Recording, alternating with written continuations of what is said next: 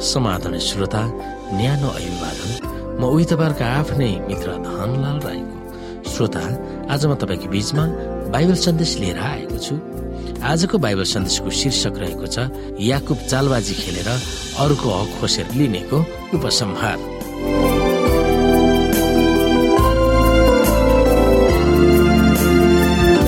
श्रोत साथी हामी छैटौं अध्यायमा अध्ययन गरेका पाठलाई पूरा गर्दैछौ।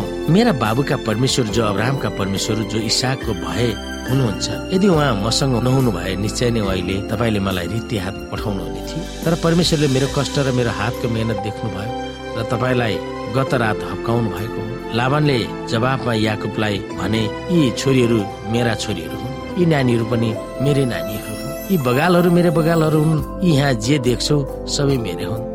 तर आज यी मेरा छोरीहरू र तिमीहरूले जन्माएका छोरा छोरीहरूलाई म के गर्न सक्छु र? अब आऊ तिमी र म आपसमा एउटा करार बाँधौ। तिम्रो र मेरो बीचमा त्यही नै साक्षी होस्। तब याकुबले एउटा ढुङ्गा ल्याएर खामो जस्तै खडा गरे अनि याकुबले आफ्ना कुटुम्बहरूलाई भने तपाईँहरू पनि ढुङ्गाहरू ल्याउनुहोस्। तिनीहरूले ढुङ्गा ल्याएर एक थुप्रो लगाए र तिनीहरूले त्यही ढुङ्गाको थुप्रो लिएर खानपान गरे। लामानले त्यस ढुङ्गाको थुप्रोको नाउँ एघर सहदूता राखे। र याकुबले त्यसलाई गलेत भने लाभानले भने आज यो ढुङ्गाको थुप्रो तिम्रो र मेरो बीचमा साँचीको रूपमा खडा छ। यसै कारण त्यसको नाउँ गलेत राखियो त्यसको नाउँ मिसमा पनि थियो। किनभने उनले भने हामी एक अर्काबाट अलग हुँदा पनि यो तिम्रो र मेरो बीचमा परमप्रभुले हेरचाह गरौँ। तिमीले मेरा छोराछोरीहरूलाई अनर्थ गर्यौ भने मेरो छोरीहरू बाहेक अरू पत्नीहरू ल्याऊ भने हामीसँग कोही मानिस नभए तापनि याद गर तिम्रो र मेरो बीचमा परमेश्वर साक्षी हुनुहुन्छ। लाभानले याकुबलाई फेरि भने मैले तिम्रो र मेरो बीचमा खडा गरेर राखेको यो ढुङ्गाको थुप्रो खामो हेर। यो थुप्रो र यो खामो साँची रहन् कि यो थुप्रो नागेर म तिमी कहाँ हानि गर्न पारी आउने छैन? अनि यो थुप्रो र खामो नागेर तिमी पनि म कहाँ हानि गर्नलाई वारी नआऊ। अब्राहमका परमेश्वर र नाहरका परमेश्वर उनीहरूका पिताका परमेश्वरले हाम्रा बीचमा इन्साफ गरौँ। यसकारण याकुबले आफ्ना पिता इसाकको भए साक्षीको रूपमा राखेर शपथ खाए याकुबले त्यस पहाडी देशमा बलिदान चढाएर आफ्ना कुटुम्बहरूलाई खानपान दिए। तिनीहरू खानपान गरेर त्यो रात त्यही ठाउँमा बिताए। लाभान बिहानै सबैले उठे। आफ्ना नातिनीहरू र छोरीहरूलाई मै खाएर तिनीहरूलाई आशीर्वाद दिए। त्यसपछि उनी विदा भएर घर फर्के। आफ्ना बाबु आमाको इच्छा अनुसार श्रीमती खोज्न र दाजुको रिसबाट भाग्न एक्लै भागेको याकुबको जीवन बिस वर्षसम्म घुमाउरो बाटोमा लागेका हुन्छन्। आफ्नो बाबु आमाबाट त्यति धेरै वर्ष टाढा हुने याकुब सायद मनसायद थिएन होला। तर परिस्थिति र परिबन्धमा परि उनी धेरै वर्ष मामा ससुराको सेवा गर्न उनी पुगेका थिए। जब उनी आफ्नो घर फर्किन चाहन्छन् तर कस्तो परिवारको जमात थिएन याकुबले लाभानको घरमा पहिले नै किन निस्केन? आफू दबिने तर दबाउन नचाहने याकुबको मिजाजले उनको स्वभाव परिवर्तन भएको थियो भनेर देखाउँदछ। परमेश्वरमाथि भरोसा राख्ने पाठ उनले सिकिसकेका थिए। त्यसको फलस्वरूप अब आफ्नो घर फर्किनु छ भने परमेश्वरले सङ्केत गर्न उनी पर्खिरहेका थिए।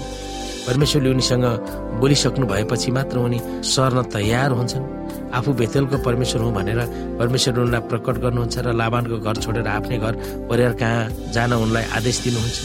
यो त्यही खालको आदेश थियो जुन अब्राहमलाई तिम्रो परिवारबाट निस्केर आऊ भन्नुभएको थियो। साथै लाभानका छोराहरू र लाभानकै मनस्थिति र व्यवहारले गर्दा अब आफू मामा ससुराको घरबाट जानुपर्ने उनले महसुस गरेका थिए। धेरै समय अघि नै आफूसँग खेलवाड गर्ने वा चलाकी मामा ससुराको घरबाट याको आफ्नो घरमा फर्किन सक्थ्यो। तर हिसाबको रिसले गर्दा उनीसँग सामना गर्न याकुब नचाहेकोले उनी मामा घरमै बसे। अब आफू लाभानकै छोराहरूबाट खतरा हुने सङ्केत उनले पाए। फेरि आफूभन्दा याकुब धेरै धनी भएकोले धेरै दुःख गरी कमाएको श्री सम्पत्ति उनीबाट लाभानले जबरजस्ती खोस्ला भन्ने डर पनि उनलाई लाग्न थालिसकेको थियो। त्यसै कारण उनले आफ्नो परिवार र सबै जायजेथा लिएर मामा ससुराबाट निस्के। अब परमेश्वरका करारको मानिसहरूको किस्साको अर्को महान पक्ष सुरु हुन्छ। याकुब योग्य भएकोले परमेश्वरले उनलाई चुन्नु भएको थिएन तर उहाँको अनुग्रहले चुनेको थियो। यद्यपि परमेश्वरको अनुग्रह पाउन उनले धेरै कठिन परिश्रम गर्नु परेको थियो। यो त अनुग्रहको नीतिको विपरीत थियो। यदि याकुबले कमाएको भए उनले पाउने अनुग्रह अनुग्रह नै हुने थिएन। त्यो त कामबाट आर्जना गरेको अनुग्रह हुन्थ्यो। यो त सुसमाचारको सन्देशको विपरीत हो। परमेश्वरको अनुग्रहको महत्व कतिको रहेछ भनेर याकुबले पछि मात्र बुझ्न थालेका थिए। त्यसको अर्थ परमेश्वरमाथि भरोसा राख्नु विश्वासद्वारा जिउनु र परमेश्वरमाथि पुरा भर पर्नु नै अनुग्रह हो भन्ने आत्मज्ञान उनमा प्राप्त हुन थालेको महत्वकांक्षामा लाग्ने मानिसहरूको निम्ति याकुबको अनुभवको कथाले महत्वपूर्ण पाठ सिकाउँछ अरूको मोलमा आफूलाई उचाल्न तछार मछार नगर्नु छलकपट गरेर जेठो छोराको अधिकार पाउँछु भनेर याकुबले सोचेका थिए तर उनी आफै निराशमा परेका भेट्टाए। जब उनी घरबाट भाग्दै थिए आफूले सबै थोक गुमाए भनेर सोचेका थिए। परमेश्वरसँगको सम्बन्ध र घर र आफ्नो भन्नु अब केही छैन र भगुवाको जिन्दगी बिताउनु पर्यो भनेर उनी आत्मग्लानीमा थिए। आत्मग्लानीमा थिए। अब परमेश्वरले के गर्नुभयो? उहाँले उनको आशारहित अवस्थालाई उहाँले हेर्नुभयो। उनमा भएको नैरेश्यतालाई देख्नुभयो। र उनमा केही तत्त्व छ जसले उहाँलाई महिमा गर्न सक्ने क्षमता छ भन्ने कुरोलाई उहाँले देख्नुभयो।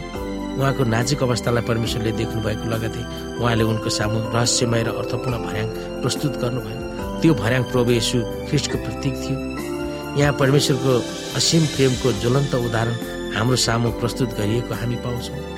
आफ्नो व्यवहार र खराब आचरणले याकुबले सबै थोक गुमाएको थिए परमेश्वरसँगको सम्बन्ध पनि उनको टुटेको थियो तर स्वर्गको परमेश्वरले उनीमाथि नजर राख्नुहुन्छ र उनको पापले ल्याएको फाटोलाई ख्रिस्टले पुरी दिनुहुन्छ भनेर जाहेर गर्नुभयो। श्रोता आजको लागि बाइबल सन्देश यति नै। अर्को प्रस्तुतिमा पुनः भेट हुने बाचा सहित म उही तपाईँहरूको आफ्नै मित्र धनलाल बिदा हुन्छु। हस्त नमस्ते जय मसिंह